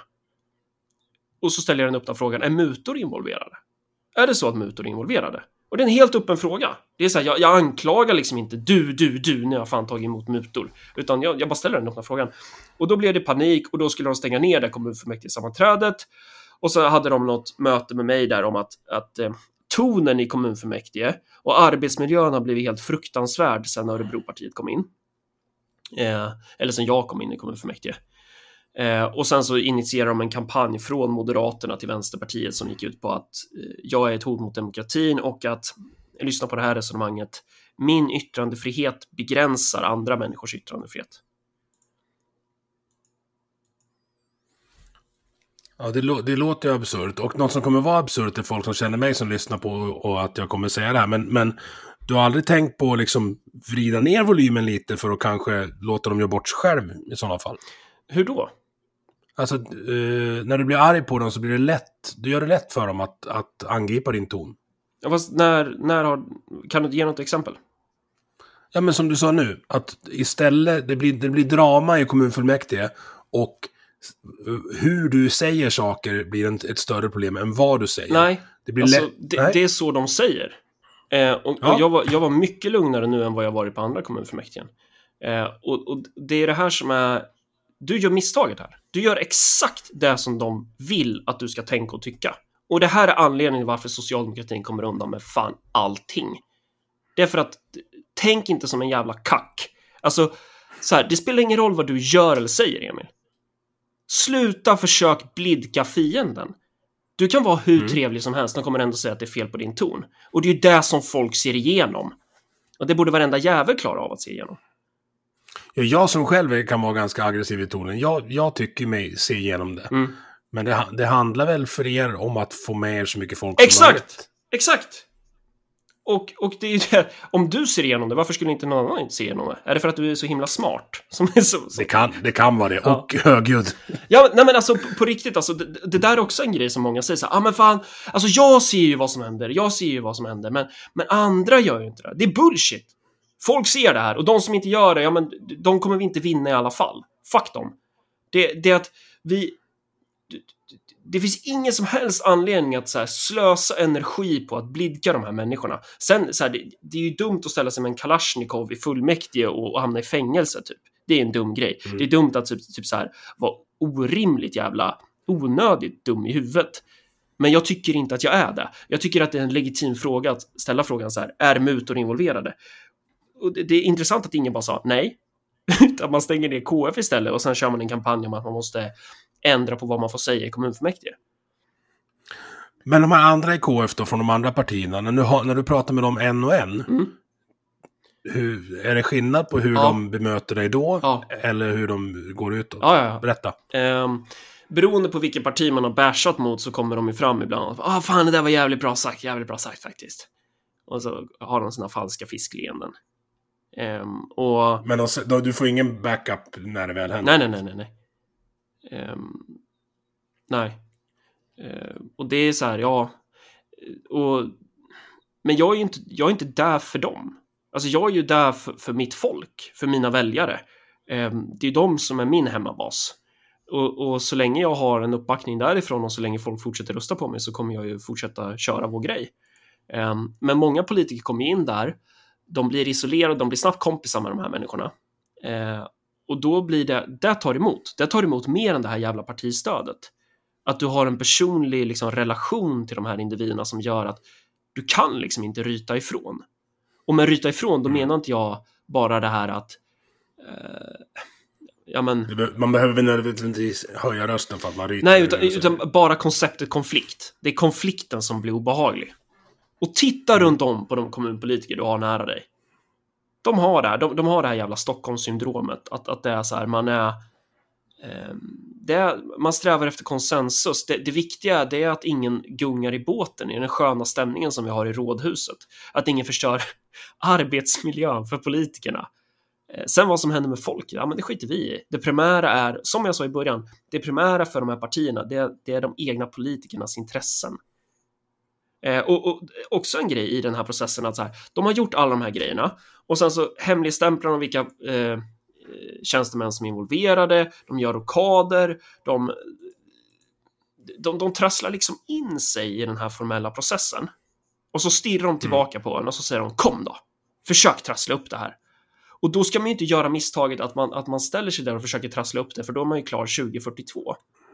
Utan man ska ju rama in hela processen och bara titta, så här gör de. Och det är ett systemfel och de, de är inherent trasiga, de här individerna. De måste bort, bort, bort. Snarare än att stå där och försöka liksom, ja ah, fast ditt argument nu, alltså jag tycker typ så här att det är fel på punkt A, B och C. Och om du tänker så här istället, har du tänkt på det? Och så kan man gå hem och tro att man har fått något gjort. Mm. Skrämde jag dig till tystnad nu, Emil? Nej, nej, nej, det, det går inte. Du, jag måste, måste landa lite det här i, du säger att de ska bort, bort, bort. Hur, hur ser Marcus Allards drömsamhälle ut om tio år då? Bort, bort, bort. Ja, jag menar ju inte att vi, ska, att vi ska skjuta av dem, utan jag menar att vi ska rösta bort dem om det var det du var lite orolig för. Nej, nej, nej. Jag, jag, det- det känns inte som att du är för väpnad kamp. Det, men, men låt säga så här. Marcus Allard kommer in, får 51 procent i eh, riksdagsvalet. Ja, Pre- president Marcus. Hur skulle du utveckla Sverige över det kommande decenniet? vilken jävla fråga. Ja, men så här, Du får tänka helt fritt. Ja, hjälp mig här nu med frågor. För att jag blir alltid så arg när jag får såna här frågor och jag... Det är, det är så stor fråga, men så här. s- sänka skatterna rejält, alltså konsumtionsskatter, skatter, eh, skatter som riktas mot ja, vanligt folk. Så. Eh, Löneskatten också då? Ja, det hade ju varit intressant att titta på också, naturligtvis. Eh, alltså all, allting, och, och syftet med det är ju inte bara så här, åh nej, kolla jag är snäll, jag ger dig godis, utan syftet är, de här pengarna, om vi gör det billigare med drivmedel och energi så kommer det att stimulera till ekonomisk tillväxt i form av att vi kommer få fler industrier, vi kommer få fler, ehm, det, det blir lättare att transportera skit, det blir liksom, det, det är bra för ekonomin. Folk kan konsumera mer. Folk kanske inte skuldsätter sig lika mycket. Då kanske de inte är lika oroliga att säga vad de tycker och kan de säga vad de tycker, ja, men då kan de också bidra till, till en sund utveckling av samhället. För jag tror generellt sett att så här, demokrati är, det är bra. Det är liksom bra för samhället när folk som fattar beslut som är nära dem själva. Vad har vi mer? Jag skulle vilja lämna EU också. Tycker jag är jävla Okej. pissunion. Jag har ingen aning om hur vi skulle göra det. Eh, Men eh, jag tror generellt sett att vi skulle tjäna på det, alltså i termer av att ha mer nationellt självbestämmande. Sen förstår jag att det inte bara så här, ja, imorgon ska vi lämna EU, utan det där måste man ju verkligen tänka igenom ordentligt hur det skulle gå till. Men, men jag tror att, vi, att det skulle vara bra. Eh, Jag skulle vilja toksatsa på försvaret så att vi har Mm. kapacitet att eh, em, spränga käften på björnen ifall han vill bita på oss. Liksom. Och den, den, den kapaciteten hade vi ju historiskt när vi hade liksom möjlighet att sätta in en miljon man under kalla kriget. Eh, Och världens tredje största flygvapen. ja, alltså bygg upp det där. Eh, Ja, tack. sen eh, industrivänlig politik överlag. Kärnkraft, kärnkraft, kärnkraft. Eh, rusta upp, rusta upp liksom infrastruktur. Eh, det jag skulle skära ner på så inåt helvete är en massa myndigheter. Mm. Eh, skulle ha utrensningar som skulle få Josef Stalin att bli avundsjuk när det gäller de här jävla transferiattjänsterna. Ehm, Och där har vi trailern till dagens Ja, avsnitt. precis. Men, men ehm, eh, hårdsatsa på sjukvård, eh, äldreomsorg, skola. Eh, Får jag, stanna, får jag stanna upp på några, några punkter? Om vi, om vi går tillbaka till drivmedelsskatterna, Ja. som var bland det första du nämnde. Det är ju extremt lite av de, den diesel och bensin som säljs i Sverige som går till nöjesåkning. Mm. Det är liksom någon cruising varje sommar. ja, Jag skulle säga 90% går till nödvändiga transporter av de, det drivmedel. Så, vilket gör att det skulle inte öka eh, klimatavtrycket Nej, särskilt men mycket. det Men det, skulle handlar- ju minska skatteintäkterna. absolut. Och det handlar ju inte om klimatet. Du ska inte gå i fällan. Utan det, handl- Nej, nej, det, nej. handl- Och det tror jag inte heller Nej, på. precis. Det handlar om pengar. det handlar om klass. Det handlar om att transferiaten måste ha pengar för att reproducera sig. Det handlar om att, Ja. att, att, att adeln måste ha installer till sina jävla skitprojekt. Ehm, du skulle behöva typ bygga om ja, invandringspolitiken säger sig självt var, var vi står liksom. Och den som undrar i övrigt, så här, Örebropartiets valprogram sedan 2018 finns på vår hemsida. Jag har inte orkat uppdatera den på ett och ett halvt år, men jag ska göra det snart. Eh, och så ska jag uppdatera programmet och bygga ut det lite. Men, men där kan man förstå en riktning typ. Men invandringspolitiken, det är ju så här, stäng gränsen, eh, kör um som repatriering, um som assimilering, försök få, få kontroll, få kontroll på situationen så gott det går liksom. Eh. Men repatrieringen, alltså vill du ha ett stopp för asyl eh, också? Ja, jag tror, att, jag tror att ett stopp rakt av och då kommer folk säga ja men det är ju hemskt och ja det är det ju delvis. Men det finns fler länder på den här planeten än Sverige. Eh, och nu har vi tagit, nu har vi burit vårt jävla lass här. Eh, sen, mm. sen om det skulle vara så att vi får kontroll på situationen, ja men då kanske du skulle kunna ha så här några, några få liksom kvot kvinnor och barn typ. Eh. Men det måste ju eh, hanteras på det som idag är EU-nivå. Alltså inget enskilt land kan ju stå för administrationen av en, en flyktingström. Som, som det vart 2015. Nej, nej precis. Det är ju ohållbart. När, när danskarna står och blundar och bara nej, vi har inte sett några flyktingar gå över bron. Nej, men, nej, men alltså så här, jag, jag vill ju inte ha överstatlighet, utan jag vill ha nationellt självbestämmande. Eh, ja. Nationerna får bestämma vad som ska ske där och det gäller även Sverige. Danskarna får vara hur jävla danska de vill. Här, det... Men det innebär ju inte att vi inte ska ha avtal med andra länder, utgår jag ifrån. Nej, det är klart vi ska alltså... ha avtal. Vi ska ha allt som vi tjänar på. Allt som vi tjänar på ska vi göra. Eh, och sen så vad tänkte jag mer? Invandring. Ehm, eh, fan, det var nog mer. Eh, myndigheter pratar de om ja, också. Ja, myndigheter. Och, och där, det är, jag uppmanar alla att googla eh, hur många myndigheter vi har. Det är någonstans mellan 5 och 600, varav två sysslar med slöjdfrågor. Det är liksom så, ja. ja. Ja, okay. och det, ska, vi, ska vi lägga pengar på det här? Och det, i, I Örebro lägger vi ju... Budgeten är på 10 miljarder ungefär. Vi lägger varje år eh, mellan 150 till 200 miljoner på föreningsstöd. Mm. Och det är Örebropartiet som ner på det, inte Moderaterna eller den så kallade högern. Eh, för de tycker det är viktigt att subventionera föreningar. Det, det, det, det är så man bekämpar socialismen, Emil. Nej, det går inte. Nej. Men, men så här, om man har en generell inkomstsänkning som ju ska vara, vara högre ju, ju mindre pengar du tjänar. Mm.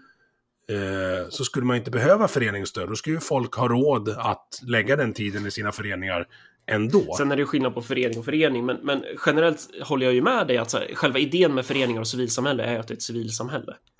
Ja. Eh, men sen, vi, vi driver ju en sån här fråga, vi vill ju ha ett friskvårdsbidrag för alla barn och ungdomar så att de kan få en tusenlapp eh, per år för att köpa antingen sportutrustning eller betala typ deltagaravgiften i någon fotbollsförening eller något. Så det, det tycker jag är värt, det, det skulle kosta 15 mille. Det, det, tycker jag är mer bra spenderade pengar. Då går det direkt till aktivitet istället. Eh, mm. Men sen... Eh, jag är inte så mycket för bidrag överlag. Nej. Så jag tycker att folk ska behålla mer pengar själv. Ja, men, ja det, det tycker jag säger sig självt. Alltså här, och där har vi en till punkt jag skulle försöka se till. Alltså, arbeta, arbeta, arbeta. Alltså, det är så här, mm. De som har cancer och som inte kan arbeta, de som nu utförsäkras på löpande band, de de är ju oftast i behov av bidrag och hjälp. Och det är inga konstigheter mm. och det är liksom ingen som säger emot det. Men kan du jobba ska du fan jobba. Och det, det är också en sån här spark in öppen dörr. Biståndet, bara slopa skiten. Vad fan, vad, vad är det för... Nej, ta den. Det, det, är hur många miljarder som helst. Och sen så fri tandvård, rakt av alltså. Det är en del av kroppen. Det det idag har tandhälsan det har blivit en klassfråga. Det är helt sinnessjukt. Mm. Eh, det är helt sinnessjukt att du kan se i käften på folk vilken klass de tillhör. Du har liksom, du har pensionärer, de har knegat sedan de var 12 år, byggt det här landet. De får inte fri tandvård, medan någon jävla våldtäktsman eller mördare eh, får det för att han är typ nyanländ. Alltså det är också så här helt jävla absurt. Alla våldtäktsmän och mördare får ju det. Det är ju faktiskt... Ja, det har du fan. Det har... Inne på... Ja, just det. Det har du fan. Fängelse. Det har du fan rätt. Man behöver inte ens vara rasist för att tycka att det här är sjukt. Det, du ser ju liksom. Eh, bistånd, invandring, vad fan är det mer? Vi... Eh, det är ju också så här, ser du problemet med att ställa den här typen av frågor? Nu börjar jag liksom räkna upp så här vad man borde göra. Eh, jag tycker också, eh, jättekontroversiell fråga eh, här, men, men du, du, vet förr i tiden så fanns det något som hette BB och det fanns liksom även på landsbygden så att, så att man behövde liksom inte åka 25 till 30 mil till BB för att föda barn. Jag tycker att vi, vi skulle kunna ha det så. Eh, och kostnaden för till exempel Sollefteås BB var sist jag kollade 15 mil om jag förstod rätt. Det motsvarar typ 10, 10 av deras högt uppsatta regionchefer. Så om, om, man, om man kastar de regioncheferna och tänker så här, förlossningsvård i Sollefteå, kanske mer värt. Då skulle man kunna göra den typen av prioritering. Och allt det här kokar ju ner till att budgetpost står mot budgetpost. Det är vi mot dem. Det är så här, politik är konflikt. Du får fan prioritera.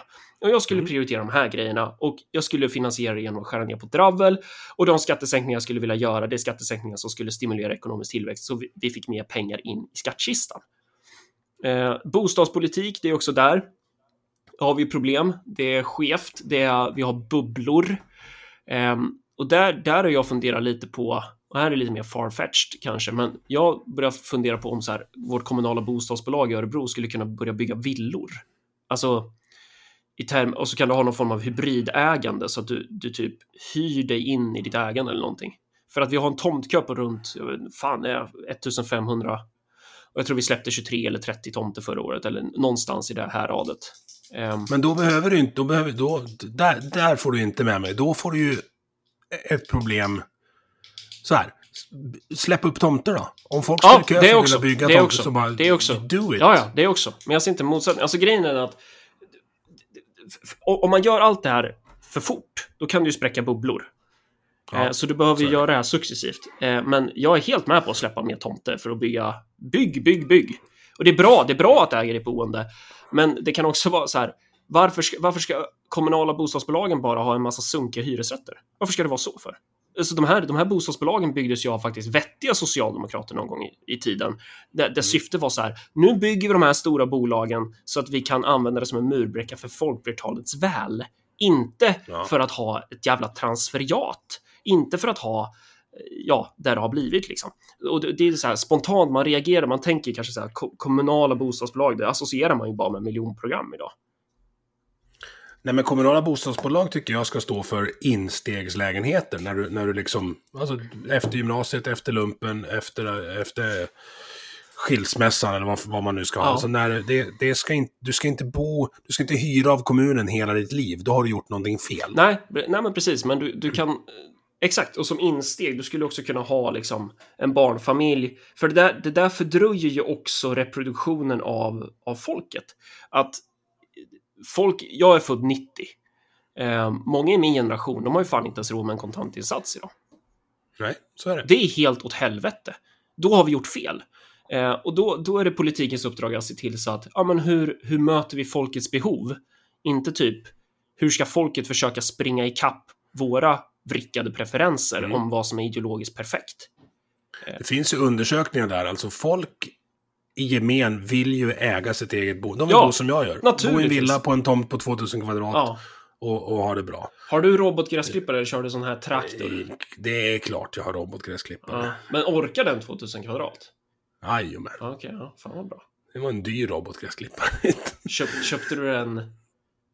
Är den, är den jätteny eller var det, eller var det så Nej, den är, det, är, det är old school. Den är tio år gammal. Och eh, det är också så här. Den har aluminiumkugghjul i växellådan. Det All fick right. Husqvarna sluta med, för de gick aldrig sönder, så de fick inte in dem på, på service. Nej, du ser. Nej, precis. Ja, det- Nej, nej, men det där, är, det där är intressant. Vi bråkar om strandskydd här uppe. Ja, just det. Mm. Eh, jag skulle säga att generellt så tycker folk på landsbygden att strandskydd är ett större problem än strandhäll. Och då är det... Mm, Ja, och då är det illa. det skulle man kunna säga. Nej, men så här. Du, det- där det har vi en till ju- fråga. Landsbygden. Så här, Ja, fa- det var det jag skulle komma ge till. fa- Ge fan i jägarna. Låt dem Ja, jaga. ge f- jo, låt dem jaga Låt i oss, fred. låt oss vara i fred. Ja, precis. Alltså. Exakt. Rakt jag av. Är ju, Och, och, jag hänger ju lite med Axdorff och, och de här i banjohögern. Ja. Och det är så här. Låt oss vara i fred. Vi, vi, vi har gjort det här själv. Vi vill vara i fred. och Axdorff häng jobbar för Moderaterna i Örebro. Ni, Ja, jag vet det. Jag visste att det skulle skava lite för dig. jävla, such a freedom fighter. Men, men, eh, eh, nej men det är också en sån grej som, eh, eh, ja, bara låt bli. Ehm, Och och samt, men men, samtidigt bygg ut... du pratar om BB i eh, Sollefteå där. Ja, exakt. Bygg ut, Eh, bygg ut samhällsnytta på landsbygd också. Och där kan man ju också titta Ja. på Norge, typ så här. Skulle man kunna... Va- varför lever Norges landsbygd när inte våran gör det? Är, det bara för att de hade turen att hitta massa olja? Eller kan det finnas någon skillnad i politiken också? Ehm, De har ju en jätte, jätteprogressiv och bra landsbygdspolitik. Mm. Alltså du har lägre arbetsgivaravgift ju längre norrut du kommer. Större del av momsen hamnar i fylket du bor i ju längre norrut du kommer. Alltså fatta Älvdalen Ja. här, som är avfolkningsbygd. Ja. Om de skulle kunna få 1% av momsen som trängslet genererar. Mm. Och dessutom få bort den här jävla lagen som gör att kommuner inte får anställa poliser och läkare. Exakt, och det där är också en grej för att, för att polismyndighet och rättsväsende tror jag man måste eh, dissekera och bygga upp igen. Polismyndigheten är så pass rutten inifrån, du har det här chef, chefsskiktet, du måste ta bort cheferna, du måste sätta dit nya chefer, du behöver bygga, eventuellt kanske bygga olika former av poliskår, du kanske måste bryta upp den utredande verksamheten. Här borde man lyssna på Peter Springare, han har mycket mer förslag, men att, att du, måste, du måste behandla den institutionen som, en- som en smittad och ofullkomlig institution eh, som du kanske behöver bryta ner för att bygga upp. Ehm, och rättsväsendet lika så. Du har många jurister som ser vad som händer, men de kan inte göra någonting. Sen har du många jurister som är troende på den stora guden praxis, så att det spelar ingen roll om du byter den parlamentariska apparatens komposition och ändrar lagarna. De kommer ändå fortsätta dumma efter den här ideologin som säger att det är synd om våldtäktsmannen. Det är synd om, om eh, gängmördarna. Det är synd om liksom. Ehm, så där måste du också vara beredd att gå in och, och, och peta. Eh, men, men eh, vad fan var vi? Vi var på... Vi är på landsbygdspolitiken. Ja, jag vill att vi stannar precis. här lite också. Och- för du, har, mm. du nämnde Sollefteå. Och jag förstår ju att där jag bor så är ju... Alltså vi köpte den här kåken för under... Eller för, för strax över en miljon. Ja, Eh, och den hade ju inte varit så billig om den hade legat mer centralt. nej, då hade det väl kanske det varit fem eller sex miljoner då. Ja, så det är ju liksom en, en beräkning man får göra. Mm. Vi har uh, fyraåringen som var in här och skulle ha prinsessklänning nyss. Henne fick vi förlösa själv i baksätet på bilen. Mm. Ja, för att vi hann inte in. Nej. Och då... Det är ju så. Det är, en, det är en risk man får ta. Men då måste man ha en landsbygdspolitik som är anpassad efter det. För vi har jättelångt innan vi får hit ambulans, brandkår eller polis. Exakt, och då, och då tycker jag så här, vad ska vi ha en stat till? Ja, vi ska ju ha, vi ska ju ha, vi ska använda de här verktygen som just verktyg. Eh, och då, det är inte rimligt att man ska, var det vinter när det där hände också, eller hur fan var det? Ja, maj. Eh, april, april, maj. Ja, maj. Ja. Nej, men jag, jag, ja. ja, Det kan vara vinter då här också. Ja. Jag bor norrut. men, men, eh, ja, men, ja, ja, och det är ju inte så här, alltså det är 20 mil från Örebro till Stockholm. Det är ju inte den Mm. typen av väg vi snackar om, om uppe i liksom Dalarna eller ännu högre norrut. Nej, nej, nej. det är ju- Det, det är svenska rallyt. Ja, precis. Eh, och det, det, är så sinnes, det är så sinnessjukt på något sätt att, att folk i det här landet inte har gjort revolution. Fan, du är fan dalkar, Emil! Va? Ja, jag vet. Du, du, du har en historisk uppgift och plikt. Alltså ditt landskap förpliktigar någonstans. Vad, vad, är det da, Vad fan tror du jag håller på med? vad, är det, vad är det masarna har gjort liksom när Sverige går åt helvete? Ni, ni liksom... Slängt ut danskar Ja, flera gånger. Bara så här, Ja. man, man skulle konfiskera brännvinsapparaterna. Bara, nationens, Icke. nationens immunförsvar, dalkarlarna, reagerar direkt. Bara marschera till Stockholm. Det så här, varför har ni... Va, var är eran liksom frihetskonvoj? Var, var, är, var är dalmasarnas tåg mot Stockholm? Va, ni, ni, vill, så här, ni vill ju ha problem eftersom ni inte har gjort något åt dem. Det, ta, hoppas den sitter djupt i hjärtat, Emil. Prat, prata med alla andra där och, och säga att Marcus Allard kallar oss för feg. Hur ska vi ta det här? Hur ska, hur ska vi ta emot det här egentligen? Ja, vi ska börja med att inte Örebro på lördag. Men då, då är det, det är bara ishockey. Men Ja, precis. Ja, ni får öva lite där då. Synd bara att ni kanske troligtvis kommer få stryk här i Närke, men det är... Ja. Men det kommer ju, alltså, den, det partiet Mm. som på allvar ritar upp en karta Mm. som vi på landsbygden kan förena oss med, Mm. kommer ju kunna plocka 5-10 procentenheter på det. Ja, ja, och sen tror jag också att ehm, vi... Jag vet inte det här, men jag, jag funderar på om det skulle kunna bli som så att allt fler svenskar kommer flytta ut på landsbygden för att inte behöva befatta sig med... den. Det kommer. Ja, Det finns en ruraliseringsgrej. Och det, det är det jag menar med vårt... Alltså så här, om vi skulle ta bort strandskyddet här, Mm. som första kommun i landsbygden. Så här, kom hit, bygg villor på, jävla... på stranden Ja. med eg- egen brygga. Ja. Då skulle vi dels... Vi skulle öka befolkningen och vi skulle få hit... Nu, kommer, det här kommer, nu blir det klasskamp, men vi skulle få hit rätt sorts folk. Folk som har råd att bygga en villa för två miljoner på en strand. Jo. De är ganska jävla bra nettoskatteinbetalare i kommunen du, också. Du också att så här... Ganska många skulle ha råd, alltså ganska många knegare skulle ha råd att kunna göra det. Eh, Ja. Så, så du måste ju inte vara så här vd på ett investmentbolag för att kunna bygga en... Nej, nej, nej, men två, två yrkesarbetande vuxna Ja. människor med två barn har inga problem att få låna fyra miljoner till en tomt och ett hus. Inga problem. Nej, nej, jag håller med. Jag, är- jag är överens med dig. Det är så här, why not? Det är, politiken Och skulle vi då som, som första kommun göra det så skulle vi tvinga de andra att, att Följa- hänga på. Ja. Mm. För folk från Ludvika och Smedjebacken skulle ju också dra sig hit, Mm. som är två yrkesarbetande. Eller som du kallar dem, ingår i det, vad sa du, produktiva Ja, eh, pro, delen de av... produktiva elementen av samhället. Produktiva, Ja. produktiva klasserna. Och de måste belönas. Mm. Ja, ja. Håller, jag håller helt med. Och det, nu, så här, problemet med den här nu frågan, hur skulle, hur skulle min rikspolitik se ut, är ju att jag, jag skulle ju behöva svara dig med typ en, en, en så här 500 sidors kompendium. Men jag, jag så här, summa summarum, att, att sätta folket först någonstans. Och det är ju sån jävla floskel, men att det går ju. Det går ju fan att göra. Det går ju att föra en politik för folkflertalet. Det har ju gått förut. Varför skulle det inte gå igen? Eh, och anledningen till Därför varför... att det finns en ovilja att flytta över. Alltså vi, har, vi har i hundra år flyttat över gradvis ansvar från individ till stat. Och det sitter så jävla fast. Så ska man flytta en millimeter bakåt så är det... Det finns mycket Ja, fast, som tar emot fast, där. fast, jag tror inte att det, att det är förklaringen, utan jag, jag tror att du har... eh, Att, att det är någonstans att den politiska eliten inte längre har en koppling till... Eh, ja, men till folket, typ. Så att, så att det känns Mm. inte relevant. ehm, att, att föra en politik för folket. Varför skulle man vilja göra det? Vadå, folket, vilka är de? De bor borta i Tjotahejti, jag skiter väl i dem. Och när det blir ett glapp däremellan så kommer det glappet att fyllas. Ja. I Örebro fyller ni det, på, på riksplan har, har SD eh, gjort det. Alltså jag håller inte med dem, Nej. men de, de har ju ställt sig med problemformulering Exakt. som liknar Ja. folks vardag. Och du vet- och då vinner de folk. Och du vet, de, de, har, de har möjlighet att kunna bli nästan kanske dubbelt så stora om, om de bara hade eh, satsat mer på den här banan istället för att försöka vara så här. Hur är man så här högerkonservativ egentligen? Eller hur är man högerkonservativ egentligen? Så, så låter de ju mer.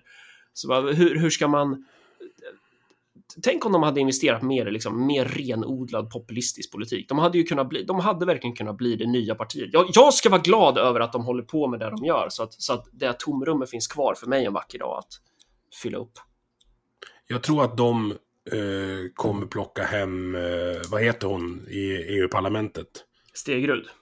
Ja, jag tror att Jimmy kommer gå efter, efter valet och, och då kommer de, då, då har du ett 30 parti över, över de närmsta Det där, är nog, det där är nog den sämsta analysen jag någonsin hört, Emil. Alltså, det, Låt höra! alltså Stegrud, så här, hon, hon verkar ju jättetrevlig och sådär, men hon är ju fan inte den personen som skulle dra... dra så, så, alltså, ja. Nej, kapa nu. För... Nej, men så här, jag, jag, jag, tror inte att, jag tror inte att det är den springande punkten som skulle lösa att hon skulle få 30 procent om hon blev partiledare. Sen tror inte jag att hon ens är i närheten av att bli det. Jag tror att det är Henrik Winge som kommer ta över. Eh, det är ju han som är kronprinsen. Och sen så här, partiledaren spelar inte så jävla mycket roll. Alltså har du en politik som är hardcore, alltså folket först, då, då vinner du ju röster. Um, så att, så att, att, att, att tänka så här, ja, men bara, bara Stegrud skulle ta över, då, då skulle det liksom på lätten trilla ner. Nej, inte, inte bara, och jag ska förklara varför. Jag tror att energifrågan kommer vara den största frågan de närmsta tio åren i det här landet. Ja, och då, och då just det, och hon har jobbat med energi. Hon är väldigt påläst när det gäller det där. Så hon, kom, hon kommer kunna debattera mot Farman Bar och, och det- Stenevi och de här på ett sätt som inte dagens Men vet du vad? Sverigedemokrater kan. Alltså- jag hoppas inte på det här. Det här är bara vad jag tror kommer hända. Vet, vet du vad? En apa skulle kunna debattera energipolitik mot dem. Det är det som är grejen, att du, behöver liksom inte vara Jessica Stegrud för att kunna debattera energipolitik mot, mot dagens eh, termiter. Som liksom har det, det, det är så de har behandlat vårt, vårt, vår energiförsörjning. Att det är så här, åh, vilken, vilken fin så här, välfungerande trämöbel. Synd om några termiter skulle börja kalasa på den. Det är samma sak så här, åh, vilket fint fungerande energisystem ni har. Sy- Synd om några moderna socialdemokrater skulle dyka upp och få makten. Mm. Mhm. Vi får väl se vem som får rätt. Jag kanske får dra ett mejl till EU-parlamentet och se om hon vill podda lite framöver. Viktigt att säga dock det, det, det, jag tycker det är svårt att prata rikspolitik. Jag är fan inte aktiv på riksplanet. Jag är aktiv på kommun, kommun och region ju. Mm. Ja, och det är ju där 90% av de besluten som drabbar folk, Ja. eller hjälper folk, mest drabbar, tas. Och det jävliga är ju att, att det är ju så, men ändå har vi liksom, vi har ju mer makt än vad många kanske tror att vi har på kommun och regionnivå. Men man behöver ju också få makt även i riksdagen och i EU också för den delen. För att du ska kunna lösa upp de här, många av de juridiska knutarna. Du kan ju liksom obstruera, du kan ju bryta mot lagen, du kan ju bete dig som en jävla haverist, men du måste ha en längre plan så att du någonstans slipper sitta i det där dödläget allt för länge. Du, om man inte fått nog av dig nu, eh, var, vart följer man dig vidare? Ja, det och äventyr. Facebook. Eh, man kan följa Örebropartiet eller Marcus Allard eller Twitter. Eh, och sen så har vi ju den här podden Marcus och Malcolm också som jag släpar med avsnitt som jag driver med, som, jag, som du sa, Malcolm Tjune. Sen vet jag inte, vad, vad gör jag? Man kan titta på klippen på YouTube, typ. Där jag står och är lite sur. Det är intressant att följa dig. Det ska bli kul att se eh, om du tar steget till riksplan. Och jag tycker vi har haft ett bra samtal. Vi var inte överens om allting, men alltså det är så här man behöver prata för att det ska bli någonting. Tycker du att vi har haft ett samtal? Det känns som att jag mest har suttit och rantat. Och sen har du... Jo, och, sen, det- och sen när jag är tyst jätte- så bara låter det så här. Har Emil dött nu? Eller vad, Nej, vad tog nej. han vägen? Alltså, vad, men det var trevligt Emil. Det var bra. Ja, Får, eh, så får vi se vem som får rätt om Stegerud. Och eh, när det här kommer ut så vet vi ju vilka som vann av Leksand och Örebro. Du har lyssnat på Vi måste prata som produceras av mig, Emil Nilsson. Tycker du om det du hörde? Dela avsnittet med dina vänner och på sociala medier. Vill du stötta podden kan du göra det via Patreon där du hittar den på patreon.com snedstreck vi måste prata i ett ord. Eller så swishar du en slant till nummer 123 671 46 79. Vi hörs!